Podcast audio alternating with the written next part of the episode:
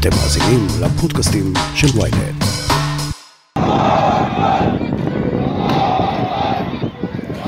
ספק רב אם יש ישראלי בוגר שלא מכיר את השם שלו ואת האכזריות שלו. מוחמד דף, המחבל החמקמק שכוחות הביטחון הישראליים ניסו לחסל כבר פעמיים, ממשיך לזעזע את האזור אחת לכמה חודשים. הוא מאתגר את המודיעין הישראלי מדי יום. הדוקטור רונן ברגמן משרטט במוסף שבעה ימים את הפרופיל של הטרוריסט המסוכן, שלמרות פציעותיו הרבות ממשיך לקבוע את סדר היום. הנה מתחילים. הכותרת, הפודקאסט היומי של ynet עם עטילה שומפלבי. דוקטור ברגמן, מתי אנחנו נחשפים בפעם הראשונה לשם הזה, מוחמד דף? מוחמד דף הוא המבוקש שמצליח לשמר את, את עצמו, את חייו, על אף היותו מבוקש, נדמה לי לתקופת זמן שיא הארוכה ביותר בתולדות הסכסוך הישראלי-פלסטיני, הרבה יותר מכל מבוקש אחר, by far. והוא מבוקש אה, איפשהו, או מוכרז כמבוקש איפשהו בסוף 87, תחילת 88, זאת אומרת, כמעט באותה נקודה שבה החמאס מוקם, הופך מארגון אה, איסלאמי כאילו דתי למטרות אה, סוציאליות, משנה את שמו, אגב, השייח' יאסין באותה תקופה לא כל כך רוצה, אבל הנאמנים שלו דוחפים אותו בעצם לעבור למאבק המזוין, ומשנה את שמו לחרקת אל-מוקאמה האסלאמית, תנועת ההתאגדות האסלאמית חמאס, שפירושו גם התלהבות, ובהתלהבות הזו, הייתי אומר, מוביל את ההתלהבות הזו, חלק מהגרעין המקים אותו מוחמד דף, שאגב שמו לא דף, דף בערבית אה, אורח, ויש אומרים שבגלל שהוא לן כל לילה במקום אחר, אז אה, כינויו אה, מוחמד האורח, או זה ש... אה, זז ו- ומשנה מקום לינה כהיותו מבוקש, וכבר בהתחלה, כבר במאי 89, אה, אחרי מצוד ארוך, הוא נעצר בפעם הראשונה, נידון ל-16 חודשי מאסר על ההשתייכות שלו לזרוע הצבאית, אבל הוא משוחרר והוא מיד הופך לחלק מרכזי, חלק מרכזי שגם שורד את כל השנים האלה, גם אה, תופס נפח הולך וגובר, גדל בתוך הזרוע הצבאית, עז א-דין אל-קסאם של, של החמאס, וגם צריך להגיד שכל האחרים פשוט אה, מוצאים את מותם מידי השב"כ או חיל האוויר, או מבצעים משותפים יחד עם אגף המודיעין.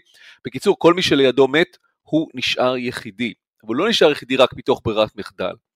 הוא נשאר יחידי ועם אה, השנים הופך ל, ל, לשני דברים. מצד אחד, סמל, מיתוס הגבורה הייתי אומר, אין דבר שמייצג את מיתוס הגבורה הפלסטיני יותר, וזה מחבר את, אה, אה, מה שאני אומר עכשיו מחבר אותו בדיוק לאותה נקודה שבה הוציאו אותו כאילו מה, מהמחשקים לטובת ההתלקחות של השבוע, הוא מיתוס הגבורה הפלסטיני האולטימטיבי, אגדה, אדם שמצליח למרות שנפצע והוציאו לו, אה, איבד עין ונפגע קשה מאוד וצולע ובאמת מתקשה כנראה גם בדיבור. אנחנו, אה, אה, ישראל פגעה בו הרבה מאוד פעמים, אבל בסופו של דבר נכשלה בלהרוג אותו. אה, יודעים על, יש שישה ניסיונות חיסול שנכשלו, גלויים, כלומר שהעולם יודע עליהם, שמוחמד דף יודע עליהם, אבל יש עוד מאחוריהם עשרות רבות שלא הגיעו בכלל לשלב הביצוע, שאף אחד לא יודע, פשוט לא הצליחו, כי תכף אולי נגיע לסוד שרידותו. אבל מוחמד דף הוא גם המיתוס אבל בניגוד למיתוסים אחרים, הוא גם המפקד בפועל ברוב התקופות, ברוב 35 השנים האחרונות, הוא המפקד בפועל של עז א-דין אל-קסאם. הוא מעורב, הוא מכיר, הוא בקיא, הוא יודע, והוא נמצא גם מאחורי ובתמיכה, ל, הייתי אומר, חלק גדול מהשינויים המבניים והצבאיים והאסטרטגיים שהחמאס עובר בתקופה הזאת, ההשקעה בטילים, השקעה במנהרות, השקעה בכטפ"מים, ההשקעה בחלק הימי, כל אלה הוא מעורב בכולם, תומך בכולם, mm-hmm. וצילו, צילו הכבד יש לומר, מלווה את המלחמה בין ישראל לחמאס עד השבוע. הזכרת את העובדה שניסו לחסל אותו כמה וכמה פעמים. והוא כבר לא בן אדם שלם, אני אומר את זה ככה בציוריות, כן? הוא איבד חלקים מגופו בניסיונות האלה. אתה מצפה מאדם נורמטיבי, או סתם אדם, שמתישהו יפרוש, יניח את הנשק. הוא לא, הוא המשיך גם כשאיבד עין, או איבד יד, או איבד אה, איבר אחר כזה או אחר בגוף. אנחנו, אה, בעבר אולי אנחנו מכירים סוג של תוכניות פרישה לגורמים, אה, גורמי טרור כאלה ואחרים, אבל אה, אני לא, אני לא חושב שזה משהו שראינו אותו אצל uh, המפקדים הבכירים, לא בחיזבאללה ולא בג'יהאד ולא, ב, ולא בחמאס. אנחנו רואים שהאנשים האלה ממשיכים, הם דבקים, ואם יש דבר, ועמיתי uh, איתי אילנאי ואני בשבוע האחרון עשינו עשרות רבות של שיחות uh, עם הרבה מאוד אנשים ש... היו בסוד וביסוד המצוד אחר ככה התלת אה, עשורי, כן, אחרי, אה, אחרי מוחמד דף אה, בשב"כ, חיל האוויר והיחידות המיוחדות ובאגף המודיעין של צה"ל, וכולם מתארים אדם אה, שהוא גם אה, מסור מאוד מאוד לרעיון, שיודע שאין לו דרך לחזור לחיים רגילים. הוא לא, זה, לא, זה לא משהו שבכלל יכול לקרות בחייו, הוא לא מצפה.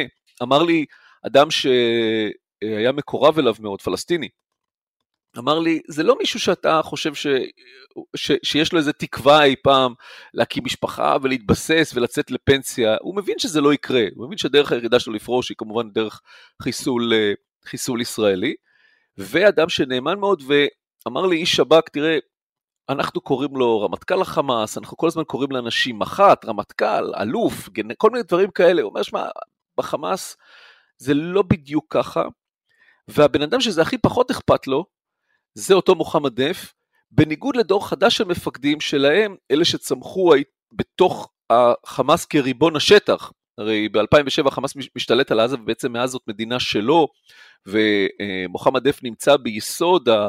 יסוד וסוד המעבר של חמאס מתנועת גרילה למשהו הרבה יותר, הרבה יותר מסודר, אבל אלה שצמחו בדור החדש, אומר אותו איש שב"כ, להם דווקא כן חשוב התארים, ומוחמד דף לא אכפת לו כסף, ולא אכפת לו תארים, ולא אכפת לו הרבה מאוד דברים ויש לו יכולת כנראה לתקשר עם אוכלוסייה שבסופו של דבר מגוננת עליו, זה אחד מהסודות הבסיסיים של השרידות שלו, ומה שאכפת לו זה המאבק.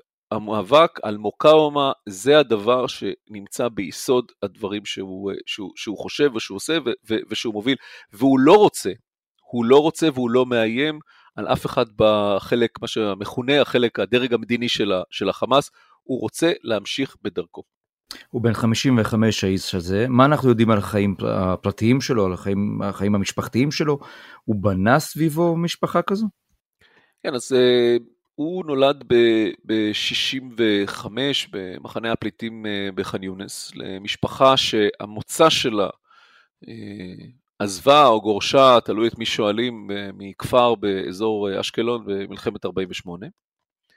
והתולדות חייו דומים במידה רבה לאלה של רבים מהדור המייסד של החמאס. הוא מצטרף כנער לאחים המוסלמים ברצועת עזה, לימודים באוניברסיטה האסלאמית בעיר, אגב, באותה כיתה, באותה שכבה, עם אסמאעיל הנייה, עם אה, מרואן עיסא, ועם אה, מי שמנהל אה, איתו לימים דיאלוג של הייתי אומר, לא שיתוף פעולה, אבל איזשהו סוג של דיאלוג, ולצד שני יריבות, וזה מוחמד דחלן, אבו פאדי, אחד מהמנהיגים הפלסטינים הבולטים ביותר, היום נמצא ב, ב, אה, באיחוד האמירויות הערביות, שרצה להתחרות עם אבו מאזן על הבכורה ברשות הפלסטינית, אותן בחירות שאבו מאזן ביטל, והייתי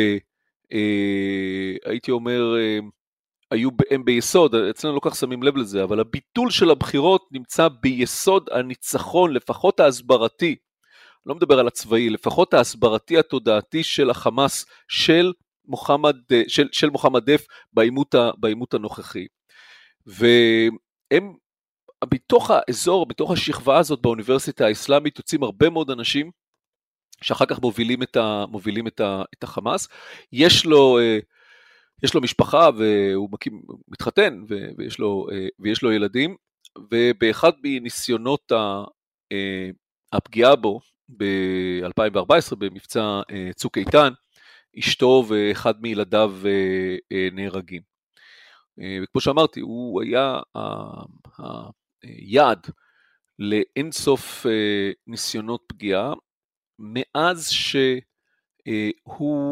וצריך להגיד, הרבה פעמים מדברים על כל מיני אנשים בתור ראש הזרוע הצבאית של החמאס, אבל מי שנושא בתואר הזה כל השנים ולא יורד ממנו, אלא לכל היותר מוצא לחופשת מחלה או מוציא את עצמו לחופשת מחלה כי בגלל הפציעות, זה אותו מוחמד דף, הוא נושא בתואר הזה מ-1993, לא אחמד ג'אברי ולא יחיא עיאש ולא אף אחד אחר, הוא נושא בתואר הזה. אמ, ואת יחיא עיאש, אנחנו זוכרים, המהנדס המפורסם, ישראל הורגת בינואר 96, אה, אה, זה כבר שמעון פרס שמורה על הריגתו.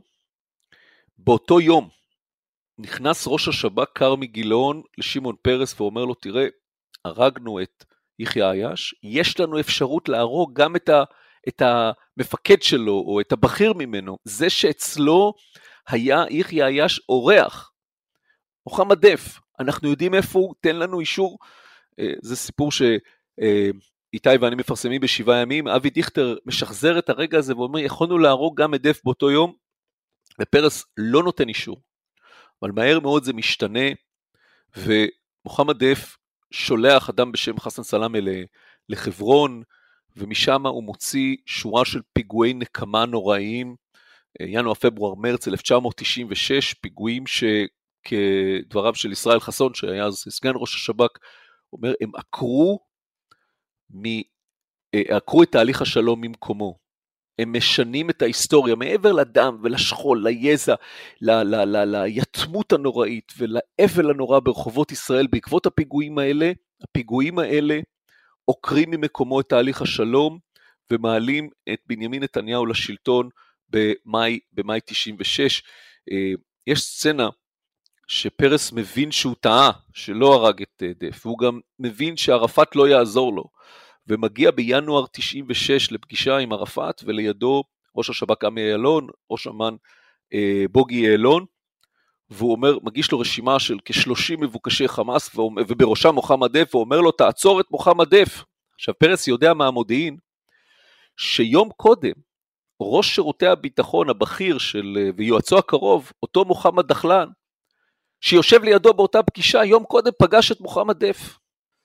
והוא אומר לערפאת, תעצור, זה הדבר שאתה צריך לעשות, כי אחרת יבואו פיגועי נקמה, הוא אומר, פיגועי נקמה הם, הם יהיו גם נגדך, כי אני לא אוכל להמשיך את תהליך השלום. וערפאת פוער על uh, שמעון פרס זוג עיניים, מסתכל שמאלה, מסת... אומר למוחמד דחלן שנמצא לידו, אומר לו, תערף חדה זלמה, אתה מכיר את האיש הזה? ודחלן אומר לו, לא. וערפאת מסתכל על שמעון פרס ואומר לו, מוחמד שו? יעני, אני לא מכיר אותו בכלל. זאת הנקודה, נדמה לי ש... אגב, אה, אה, אה, משה יעלון אומר שזאת הנקודה ששברה אותו לגבי האותנטיות של תהליך השלום והנכונות והיכולת של ערפאת להגיע, השקרים האלה של ערפאת, ש, שזה, מהנקודה הזאת, יעלון לפחות אומר ש, שמשהו אצלו נשבר, אבל עובדתית, מהנקודה הזאת, אין אני חושב אדם שעיצב את ההיסטוריה של הסכסוך הישראלי-פלסטיני, לא כאסטרטגיה, בפועל, בפעולות יותר מאותו אה, מוחמד דף. דוקטור ברגמן, אתה יודע להעריך האם בסבב הזה, במערכה הזו שמתנהלת ממש אה, ברגעים אלה בעודנו מקליטים, צה"ל וכוחות הביטחון הישראלים ינסו אולי שוב למצוא אותו ולחסל אותו? אני אומר כך, לחסל אנשים מאוד מאוד קשה ל, ל, אה, אה, לבצע בזמן לחימה. אני מזכיר אותו אחמד ג'אברי, ש... אה, של התחרה עם מוחמד דף, כי הוא גם השתלט על העניין של בבי מרע, של גלעד שליט. אחמד ג'אברי היה, החיסול של אחמד ג'אברי היה האקט הפותח של ההתלקחות ב-2012, כלומר ישראל ידעה איפה הוא, כי הוא עדיין לא ירד למקלט, כי הסיבוב עדיין לא החל. ברגע שהסיבוב מתחיל, מאוד מאוד קשה לפגוע באנשים האלה, כי הם יודעים שהם הופכים מטרה. השאלה היא, האם ישראל יודעת איפה הוא נמצא בזמן רגיעה, והאם היא ניסתה, אה, אם היא ידעה, האם היא ניסתה בכלל לתרגם, כי ידיעה זה לא מספיק, צריך גם כמובן את היכולת המבצעית, האם היא ניסתה לתרגם את הידע הזה לפעולה של טפה, של חיסול, ואומר לנו גורם בכיר מאוד בקהילת המודיעין שהתשובה היא לא. כי ברור לישראל שפגיעה במוחמד דף היא תתחיל מלחמה. מצד שני, הנה אנחנו נמצאים בתוך מלחמה. אני חושב שאם לישראל הייתה יכולת לפגוע בו עכשיו, זה אולי המהלך היחיד, הפגיעה הזאת במוחמד דף, המהלך היחיד שיכול לשנות באופן בסיסי את ההישגים שהחמאס השיג במלחמה הזאת, שהוא מצייר את עצמו כאביר שעוזר או נחלץ לעזרת ירושלים, אה, הייתי אומר, זאת בעצם הסיבה שבאופן חריג מאוד, בפעם הראשונה מאז 2014, החמאס, כנראה אסמאעיל הנייה ויחיא סנוואר, הם שדוחפים את, דח, את דף לצאת קדימה ול, ולמסור הקלטה. זאת אומרת, אל מול ההתגייסות שלהם, של החמאס, הניסיון שלהם לעשות, אה, לשבור את מה ש... את הקיר הזה שישראל, השב"כ, אה, אה, ניסו כל, כל השנים להעמיד בין עזה ולבין השטחים, בין החמאס לבין ירושלים, יש להם פה הישג אדיר. הם אומרים, אנחנו, לא הרשות הפלסטינית, ולא זה ולא זה, רק אנחנו, אנחנו נגן על ירושלים, וכדי להוכיח לכם את זה, אנחנו נוציא מהבונקר את האביר, את מיתוס הגבורה שלנו, את מוחמד דחלן, והוא בקולו יגיד שאנחנו נגן על ירושלים, ולא סתם הוא יגיד, הנה הוא עומד בהבטחה שלו ומשגר טילים על ירושלים. כדי להרוס את הדבר הזה, כדי לצאת, כדי לרשום הישג תודעתי, אין לי ספק שאם ישראל הייתה יכולה, הייתה הורגת אותו כבר, היינו עכשיו מדברים עליו במונחי עבר, אמ, אבל כמובן, גם הוא יודע את זה, והוא אה, משתמש במערכות שונות ובעיקר בפרנויה ללא גבול. יש בכתבה כמה סצנות של אה, ניסיונות חיסול שלא הצליחו, שמראים עד כמה האיש הזה, אה, עד כמה הפרנויה שמרו, שמרה עליו, ושהוא מפעיל מה שנקרא בשפה המקצועית שב"שים, שוברי שגרה, גם בזמן רגיעה, גם בזמן שהוא בכלל לא יודע שהוא נמצא בסכנה. הוא מזכיר בזה אולי את יאסר ערפאת במובנים מסוימים. הפרנויה שמרה עליו והוא כן. שמר על הפרנויה וכך הוא ניצל פעם אחר פעם אחר פעם אחר פעם, כולל טיל קטן מדי שפגע בקומה השלישית בבניין שבו הוא קיים ישיבה עם כל ראשי ארגוני הטרור וזה התפקשש. אז בעצם אה, מוחמד... רגע, רגע, אטילה, אטילה, הסיפור שם הוא יותר, הוא יותר, יותר חריף, כי בעיניי הרגע הזה ב-2003, שישראל מאתרת את המקום שבו כל ראשי החמאס, לבקשתו של השייח' יאסין, נפגשים כדי לטכס עצה מה לעשות אחרי שישראל הורגת את אסמאעיל אבו שנאב, והם חוטפים מכות, מכה אחרי מכה אחרי מכה מהשב"כ, ואל מול התוכנית, קרא לה נבחרת החלומות, שאבי דיכטר מציג לראש הממשלה שרון, הרמטכ"ל יעלון אומר, תראו, אין לנו בעיה, יש לנו, יש לנו F-16 באוויר, מוריד פצצה של טון על הבית, כולם מתים. אבל אחרי הטראומה של מה ש... של מבצע דגלן שנה קודם, הניסיון, אה, הניסיון המוצלח להרוג את סאלח שחאדה, אבל הלא מוצלח, כי נהרגו שם גם 15 אזרחים, הרמטכ"ל יעלון אומר, אנחנו לא יכולים לקחת על עצמנו את הסיכון, כי יש אזרחים בבניינים ליד, אנחנו צופים 50-60 נאזה, נאזה ראשי תיבות של נזק אגבי, כלומר, אה, חפים מפשע שיכולים למות, ואבי דיכטר קופץ ואומר, רגע, לא יכול להיות דבר כזה, כי זו טעות ש... ארגון טרור עושה פעם אחת בלייפספן שלו, זה לא יקרה עוד פעם. זה כמו שקוקה קולה יעשו את הטעות ויכניסו למטוס אחד את כל מי שיודע את הנוסחה הסודית. אסור לנו, אנחנו חייבים לנצל את ההזדמנות, אבל שרון מקבל את דעתו של אה, משה יעלון, הרמטכ"ל, כי יש פה, החשש הוא בעיקר, פחות מהביקורת הבינלאומית ובעיקר מעיבוד האמון של אה, של אה, העם בצבא, זה הרי דבר, דבר חיוני, והם מחליטים על פשרה ואומרים, יראו טיל של רבע טון שיפגע בקומה השלישית והוא יורה והוא מחריב את כל הקומה השלישית ואין הרוגים במניינים ליד, אבל בגלל שהם לא יכלו להעלות את הכיסא גלגלים החשמלי של השייח' יאסין לקומה השלישית, הם ישבו בקומה הראשונה וכל מה שהם היו צריכים לעשות זה לנער את האבק בבגדים, ואומרים לי אנשים שישבו אז במטה של השב"כ בחמ"ל האחוד והסתכלו על החוזי, כלומר על התמונה, על ה vision שמגיע מה, מהכטב"ם, שהם נשבעים לי שהם ראו גם את השייח' יאסין קם על הרגליים מהכיסא הגלגלים ומתחיל לרוץ. ואומרים בוא נצוד אותם כשהם יוצאים, בעיקר את מוחמד דף, אבל שר הביטחון אז אה, מופז אומר מספיק, אנחנו נצוד אותו, נצוד אותו בפעם אחרת, אה, נהרוג אותו בפעם אחרת, והפעם הזאת לא הגיעה עד היום. דוקטור רונן ברגמן, מרתק. הכתבה מלאה כמובן עם המון פרטים בשבעה ימים של ידיעות אחרונות. תודה רבה. תודה, אטילה.